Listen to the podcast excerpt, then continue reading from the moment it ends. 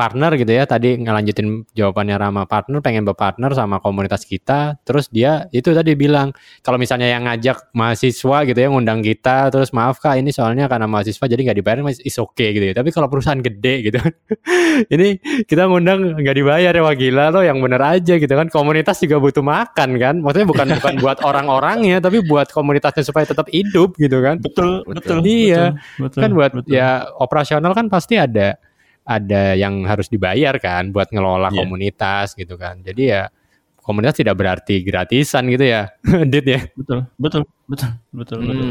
Masuk tuh. M mungkin itu, itu di, di, di, di highlight dulu ya. Komunitas bukan berarti gratisan tuh ya.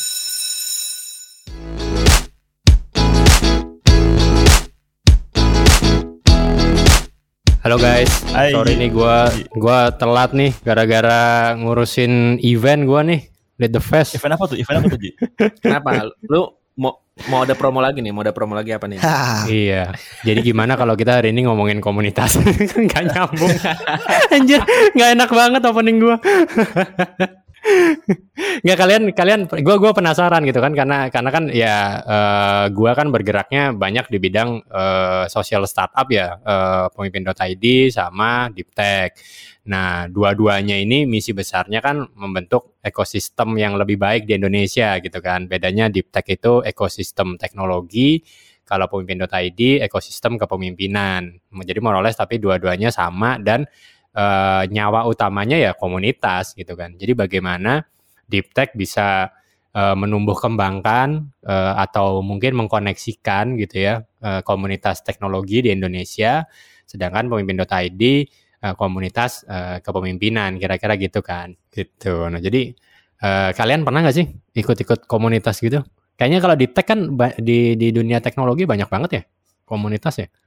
Banyak sih banyak banyak. Uh, ya gue ikut beberapa hmm. komunitas meskipun mungkin nggak aktif ya nggak nggak nggak sangat aktif gitu. Cuman hmm. uh, ya senang aja sih maksudnya berada di di lingkungan orang-orang yang punya minat yang sama gitu. Uh, itu menyenangkan sih. Hmm. Lo ikut apa aja dit? Bisa lo ceritain nggak gue sekarang ini ini kalau gue ngikut maksud gue ikut ini parameter gue ikut adalah gue masuk di grup WhatsAppnya atau grup Telegramnya yang paling enggak ya. Itu itu itu indikasinya ikut komunitas ya? indikasinya ya. karena kan nggak ada kartu anggota kan cih. Kartu anggota anjir. Apa? KTA, KTA. ya di tag di tag satu kan. Terus uh, gue ikut komunitas UX ID itu tapi udah udah agak lama sih. Cuman gue juga nggak terlalu aktif di situ. Banyak kan cuma sebagai silent reader gue ikut grupnya Rust Indonesia. Itu gue seneng sekali karena isinya program-programmer jago. Jadi gue cuma baca aja dapat banyak ilmu gitu. Terus tapi yang yang yang paling menarik lagi gue yang yang yang cukup sering gue ikutin uh, itu sekarang grup telegramnya uh, accessibility ID jadi apa yang emang spesifik ngomongin accessibility gitu ya. Itu seru banget karena banyak banyak banget insight-insight baru case-case baru. Terus juga komunitasnya cenderung sangat uh, welcome gitu sama orang-orang baru uh, ngobrol obrolannya bisa lancar gitu.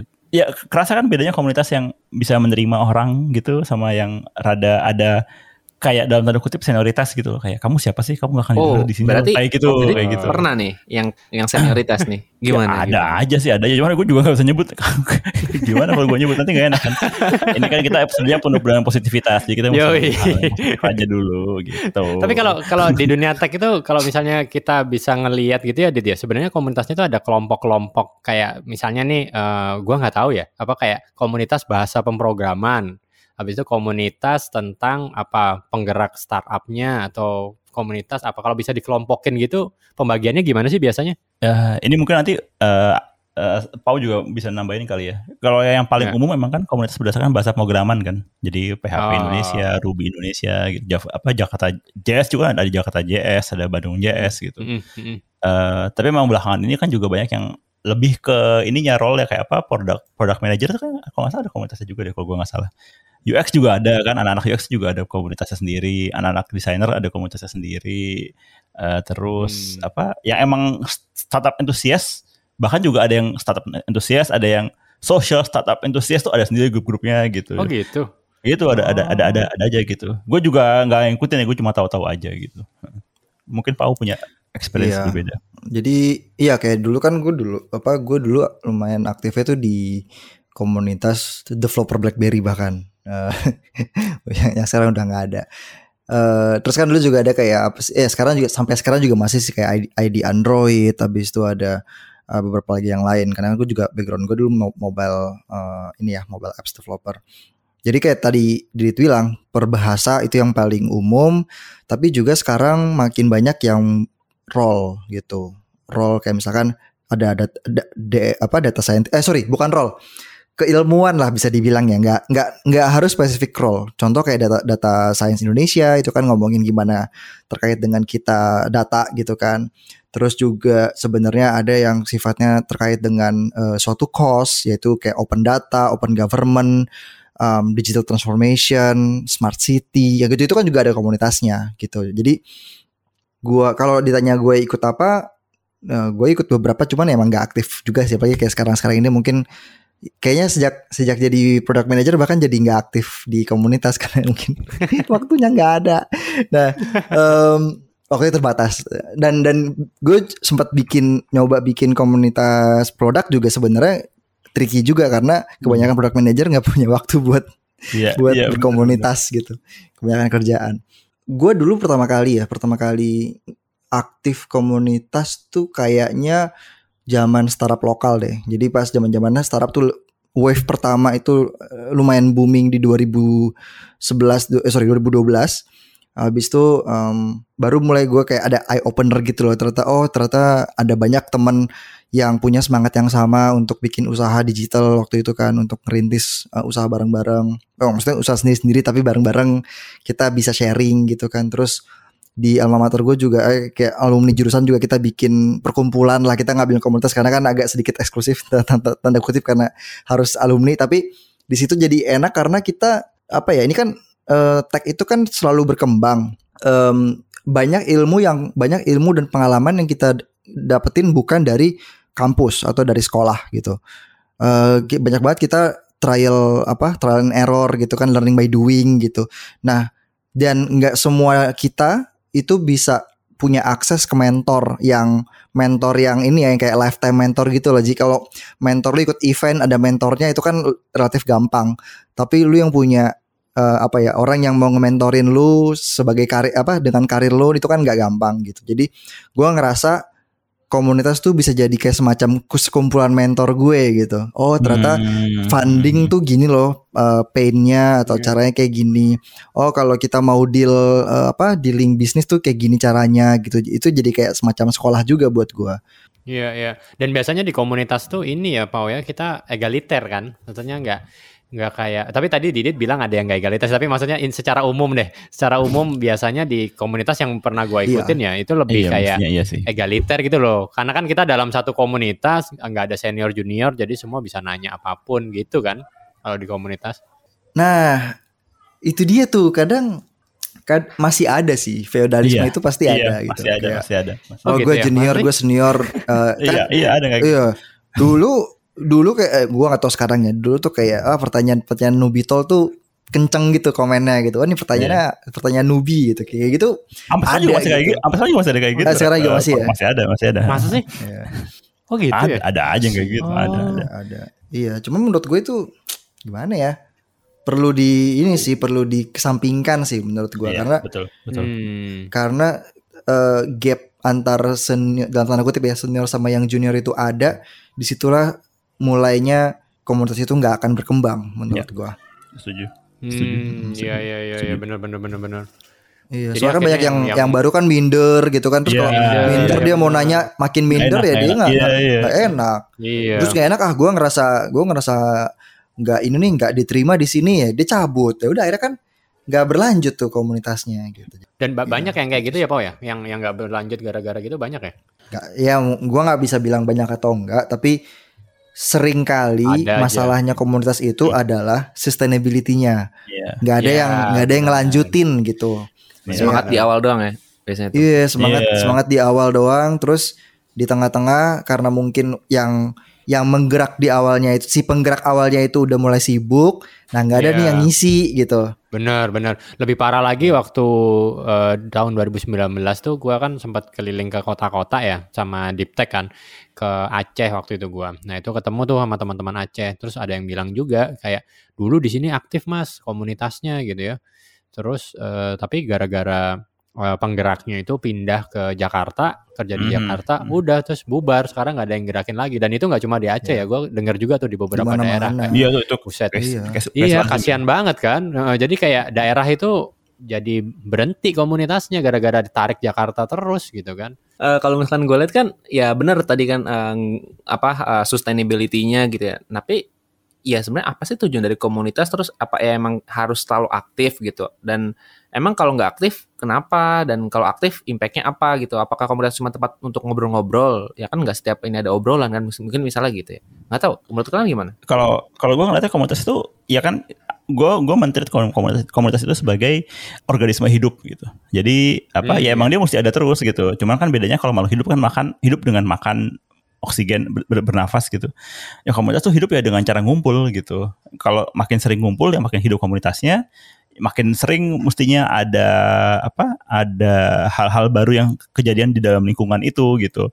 Entah malah jadi meet up meet up baru atau mungkin jadi paling nggak bertukar ilmu bertukar pengalaman gitu. Atau kayak yang tadi Pau bilang tukar apa kayak saling mementori gitu kan. Itu kan hal-hal organik yang nggak akan akan kejadian kalau komu- komunitasnya mati gitu. Uh, Ya, ya. gue gue inget dulu tahun 2018 tuh gue agak sering gue beberapa empat kali kalau nggak salah. Gue empat kali nge-host meetupnya Rust di Mozilla gitu. Eh, itu jalan empat kali itu enak karena gue jadi ketemu orang baru bisa saling tukar apa bisa saling ngobrol soal bahasa baru bahkan gitu kan. Karena Rust juga masih baru. Gue ketemu Yovan juga di situ gitu. Apa ya cuman terus karena guanya sibuk gue nggak pernah ngejalanin lagi gitu kan. Dan akhirnya udah nggak ada aja gitu. Ya udah ya ya emang nggak jalan lagi udah mati gitu menurut gua komunitas itu dia itu bernilai saat kita atau orang-orang yang gabung di komunitas itu mendapatkan nilainya itu sendiri. Ya, nah, lu ya. mau aktif atau enggak selama lu bisa si orang-orang yang di komunitas ini masih dapat nilai, komunitas itu menurut gua masih bermanfaat gitu kan. Ya. Nah, karena gini, karena kalau kalau misalkan ngomongin komunitas apa hubungannya sama karir ke gua itu lumayan kuat justru. Karena Iya. ini peng- pengalaman gue ya karena kayak waktu itu kan gue di episode lain kan gue juga pernah eh, pernah bilang kan eh, banyak banyak kesempatan kerjaan tuh kayak project lah atau karir lah atau atau eh, kolaborasi atau segala macam itu tuh datang dari teman nah di mana teman itu sebenarnya salah satunya datang dari komunitas gitu kan nah em, menurut gue ya salah satu benefitnya itu ya tadi kalau misalkan ada kesempatan mungkin di awal komunitas tuh kayak seakan-akan cuma nongkrong nongkrong doang tapi mungkin karena kita juga orangnya komunal ya jadi semakin kita sering nongkrong atau sering ngobrol, sering diskusi lah ya in a, in a productive way, kita mulai kenal dan dari situ mulai mulai bisa brainstorming, eh kayaknya kita bisa ngelakuin ini bareng nih, atau eh kayaknya kita bisa Iya, iya. bisa eh, ngambil opportunity ini bareng gitu. Nah jadi eh, sayang banget kalau misalkan eh, kita itu datang ke komunitas dan kita nggak nggak bisa dapetin semaksimal mungkin gitu. Berarti kalau menjawab tadi pertanyaannya Rama sebenarnya nggak harus terus aktif berarti ya Pau ya. Kalau memang lagi lagi slow, lagi nggak ini ya ya udah gitu. Tapi kan selama orang yang di dalamnya ngerasa dapat value-nya, maka ya selama itu juga komunitas itu akan aktif dengan sendirinya gitu ya Pau ya. Dan Iya. generik gitu kan, Iya, nggak karena kayak- kayak tadi- gitu gitu. kayak iya kayak tadi kayak tadi eh, Didit bilang nggak ada kartu anggotanya people can come and go kan Iya, iya. Nah, apa yang bikin Iya, apa yang eh, pertanyaannya adalah eh, apa yang bikin orang tuh stay? Gitu aja gitu. Apakah karena aktif ma- makan-makan mulu atau ada informasi yang dipertukarkan atau atau apalah ada ada rahasia yang dipertukarkan. Nah tergantung kita nge-value-nya apa. Nih. Dan meskipun juga gue sempet ngeliat sendiri ya, ada dulu sekitar 5-6 tahun lalu kali ya, ya mungkin 5-6 tahun lalu, ada tuh komunitas di Indonesia, gue gak akan nyebut namanya, yaitu ya gitu biasa, politik tuh akhirnya pecah jadi dua gitu kan. Nah, itu tuh ya ada juga yang kayak tuh. gitu-gitu gitu. Apa? Iya. Eh, tapi menurut gue, menurut gue ya. itu kayak kayak restoran pecah ya Iya.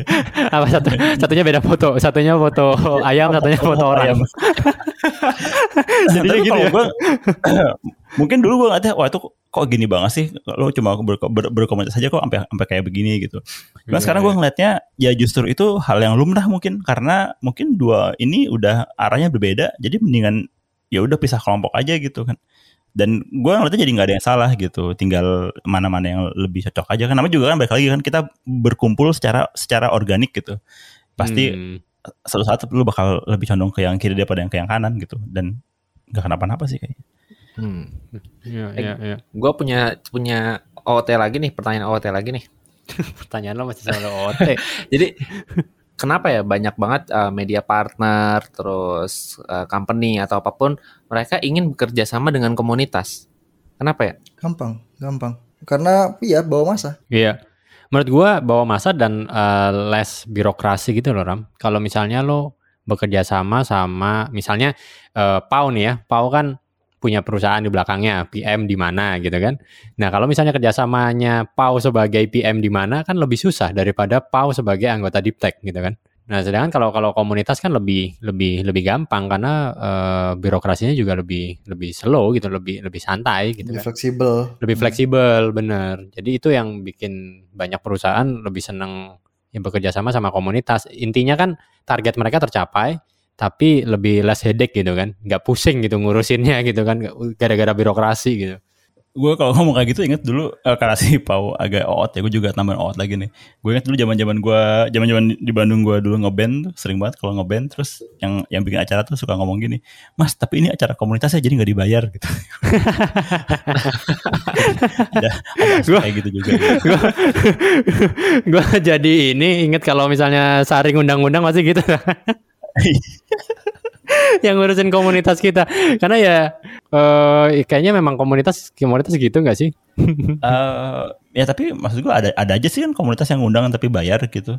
Tapi Iya, gue iya. poin poinnya padahal poinnya bukan dibayar atau enggak, poinnya adalah si komunitas ini tuh dan bahkan bukan bukan bukan bukan seserius apa ya, tapi eh, menurut dia Hmm. kita bisa hidup kayak gimana sih sehingga akhirnya kita bisa ngundang orang luar buat kontribusi di kita gitu. Bener bener. Nah Oh. ini juga kayaknya yang perlu diinin juga kali ya Dit ya. Nggak nggak selalu kayak misalnya kan banyak nih partner gitu ya. Tadi ngelanjutin jawabannya Rama partner pengen berpartner sama komunitas kita. Terus dia itu tadi bilang kalau misalnya yang ngajak mahasiswa gitu ya ngundang kita. Terus maaf kak ini soalnya karena mahasiswa jadi nggak dibayar is okay gitu ya. Tapi kalau perusahaan gede gitu ini kita ngundang nggak dibayar ya wah gila lo yang bener aja gitu kan. Komunitas juga butuh makan kan. Maksudnya bukan bukan buat orang-orangnya tapi buat komunitasnya supaya tetap hidup gitu kan Betul, Betul. betul. Iya. betul, betul, kan buat betul. ya operasional kan pasti ada ada yang harus dibayar kan buat ngelola Iya. komunitas gitu kan jadi ya komunitas tidak berarti gratisan gitu ya Dit ya betul, betul, betul, betul, betul. Hmm, masuk tuh. M- mungkin itu, itu di, di, di, di highlight dulu ya. Komunitas bukan berarti gratisan tuh ya.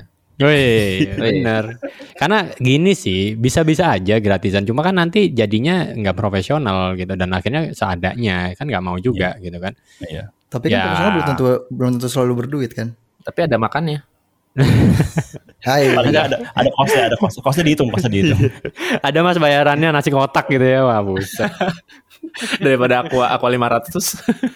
Eh, tapi ini kan juga masalah yang kejadian di du- dunia internasional ya kayak apa eh kan kalau kayak di tech gitu kan banyak komunitas yang akhirnya lahir dari pergerakan open source gitu kan ya mereka juga mengalami hal yang sama gitu proyeknya proyeknya jalan aktif dipakai di banyak perusahaan tapi perusahaannya cuma pakai tapi nggak mau sponsorin gitu itu kan juga iya hal yang sering kejadian Ya. juga gitu Iya. jadi memang iya. si komunitas ini benar-benar. kalau menurut gua kata komunitas itu tuh perlu agak lebih dipahamin sama banyak pihak bahwa ya itu ini tuh ini tuh perlu hidup gitu. Kalau kamu pengen dapat kontribusi dari komunitas ya kamu mesti ngasih balik ke komunitas itu mau ngasih apa pun bentuknya tapi kan mesti ada timbal baliknya gitu biar dia bisa tetap hidup. Nah, itu yang penting tuh, timbal balik. Si komunitas ini pun juga akan berkembang apa yang dibalikin kembali ke komunitas itu sendiri kan. Jadi maksudnya gini, Ya. maksudnya adalah semakin semakin banyak yang semakin banyak dan semakin sering hal yang dibalikin ke komunitas oleh orang-orang yang ada di komunitas tersebut, gua rasa komunitas itu akan berkembang gitu kan. Apakah Ya. misalkan lebih banyak orang yang ikutan gitu atau lebih banyak orang yang diskusi, itu kan berarti bisa berkembang secara volume atau lebih ex eh, expert diskusi yang dituangin di situ. Berarti kan mungkin secara keilmuannya lebih advance ketimbang sebelumnya. Kan sering kali kalau kita ngomongin komunitas pas ngumpul ngomonginnya paling ya one on one one on one mulu kan. Maksudnya yang kayak eh, coding one on one, Rust one on one yang hello world doang di level itu. Padahal kan sebenarnya apa ya semakin lama si organisasi itu tumbuh, kebutuhannya kan akan semakin advance. Iya. Kayak misalkan Iya, awalnya oke kita sama-sama ngulik IoT yuk gitu kan. Eh, Berarti kan ngomonginnya ngulik-ngulik di awal. Tapi kan semakin lo advance berarti oh kita harus gimana caranya eh, gimana sih caranya manufaktur IoT gitu atau gimana sih Hmm, caranya mhm. monetize IoT di Indonesia. Itu kan ya hal-hal Ya, yang ya. butuh diobrolin biasanya diobrolin di komunitas jarang jarang komunitas tuh bisa se-advance itu gitu berkembangnya. Bener, bener, bener. Bener, Ini kan? menarik nih Mm-mm. poinnya Pau itu karena kalau misalnya komunitasnya berkembang, karena kan kalau kita ngelihat ya komunitas ini kan sebenarnya kalau kita ngelihat eh, teori perubahan itu kan harus pentahelix kan, ada lima lima helix gitu kan, Oke. ada private, public, eh pabrik lagi, private, public, public sector, eh, artinya pemerintahan, government, akademik dan salah satunya kan civil society. Nah civil society ini kan komunitas gitu kan. Mm-mm. Jadi kalau komunitasnya growing, mereka itu akan memberi dampak ke private, ke pemerintah, ke akademik gitu. Jadi memang ya harus tadi ka- kalau kata Pau jadi advance gitu kan, naik level. Karena terbukti sih, kayak contohnya pandemi deh. Ini kan eh, kayak Kementerian Kesehatan gitu misalnya kan, kita kan apa Kementerian Kesehatan banyak dibantu sama komunitas gitu. Kayak misalnya dibantu Hmm. sama Indorelawan, pemimpin.id ngirim relawan buat cari Hmm. informasi tentang eh, ketersediaan IGD rumah sakitnya itu kan bantuan Hmm. dari komunitas gitu kan. Terus Kementerian Kesehatan juga dibantu banyak ini juga kan apa eh, programmer-programmer kan buat bantuin Hmm. eh, mereka boosting teknologinya buat buat buat Iya. Kementerian Kesehatan dan sebagainya. gitu. Jadi Iya. perannya komunitas tuh gede banget gitu. Jadi kalau komunitasnya Iya. cuma one on one doang, ya gimana bisa support helix yang lain tadi gitu kan? Eh, ya kan iya, segitu-gitu aja gitu.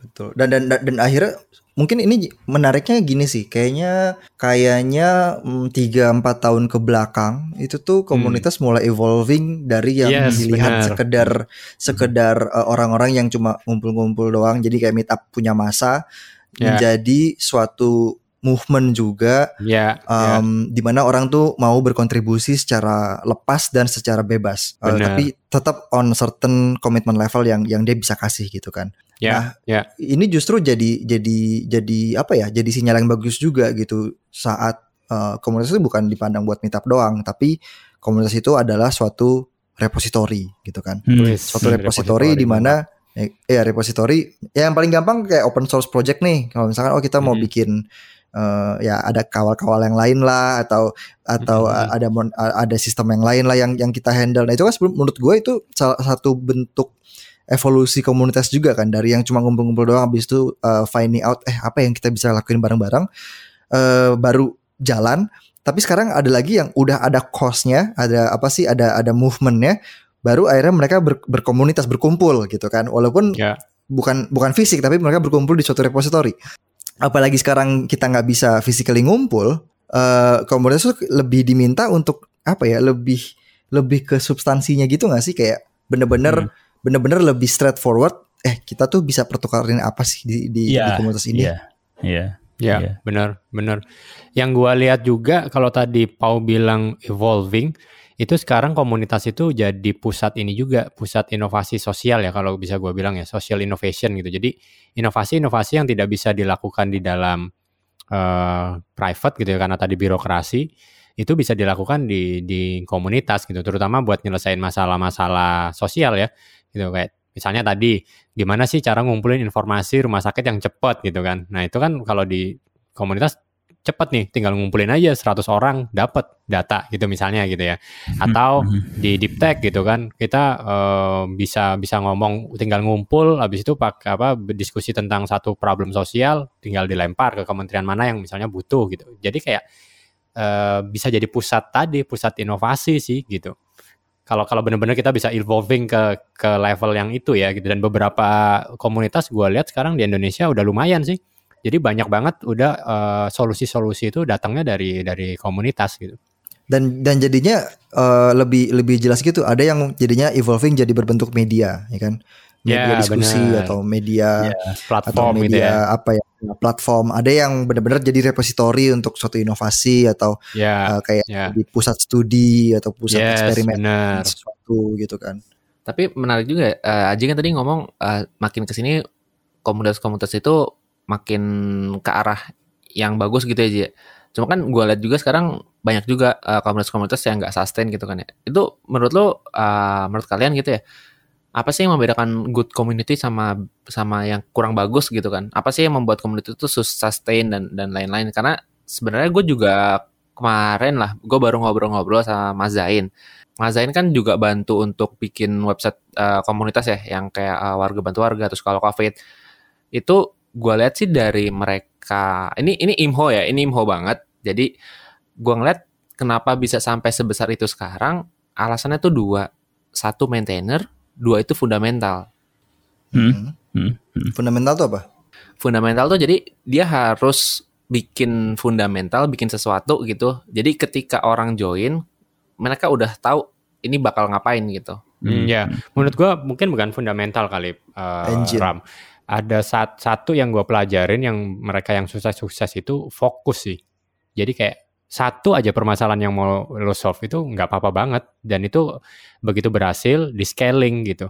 Contohnya kayak eh, Indo relawan gitu ya. Satu mereka fokusnya ke relawanan udah gitu doang gitu. Di scale gede gitu kan. Terus kayak apalagi misalnya SMSG misalnya pendidikan satu dinaikin gitu. Pemimpin ID ke pemimpinan, deep tech teknologi gitu. Jadi kayak eh, harus punya kayak core-nya itu apa sih gitu. Itu kayaknya yang bikin bikin sustain sih daripada kayak komunitas lo nggak jelas apa aja dikerjain, apa aja dibahas gitu ya, nggak bisa naik, nggak bisa scale. Dan Hmm. eh, kal- kalau gue bisa tambahin eh, untuk untuk ngelihat dia itu bagus atau enggak, maintainer gue agree banget. Makanya Maintainer, maintainer, iya, ini kan jelas. maksudnya ada ada ada motornya kan, ada motornya Iya, yang menggerakkan itu sendiri dan em, dan eksekutor sih yang sehari-hari Iya. ngerjain gitu. yang gue pelajarin kalau semuanya part time susah buat sustain juga sih. Iya, jadi menurut gua perlu ada, tetap perlu ada yang ngurusin organisasi Yes, itu, itu dia. sendiri. Maksudnya ngu- ngurusin Bener. komunitas gitu kan. Karena eh, balik tadi eh, komunitas itu kan dia fluid ya, orang come and go gitu kan. Eh, tapi kan yang ngeran ngeran komunitas itu tetap tetap perlu ada. Nah, eh, eh, di- dan dia pun tetap perlu bisa make sure kalau semua tuh bisa ngebenefit. Karena kalau buat gue Ya. komunitas itu kayak semacam tangga gitu kan. Semua orang bisa naikin tangganya. Nah bahaya kalau misalkan nggak ada yang naik tangga itu lagi. Nah terus kalau gitu Ya. udah nggak ada lagi orang-orangnya. eh terus nggak ada yang nerusin apa passing apa estafet eh, apa pun itu yang ada di komunitasnya ya itu bakal lambat laun bakal mati. Iya. Tapi juga eh, satu hal lagi yang juga mungkin bisa menghambat pertumbuhan komunitas itu adalah kalau udah kebanyakan politiknya gitu. Wah, Misalnya itu tadi tuh. Bener. Terus apa mulai ada agenda-agenda pribadi yang kayak gitu-gitu. Nah, Gimana kalau ini kalau kalau dia komunitas pencinta politik gimana tuh? Jadi apa udah berpolitik tuh. Berpolitik.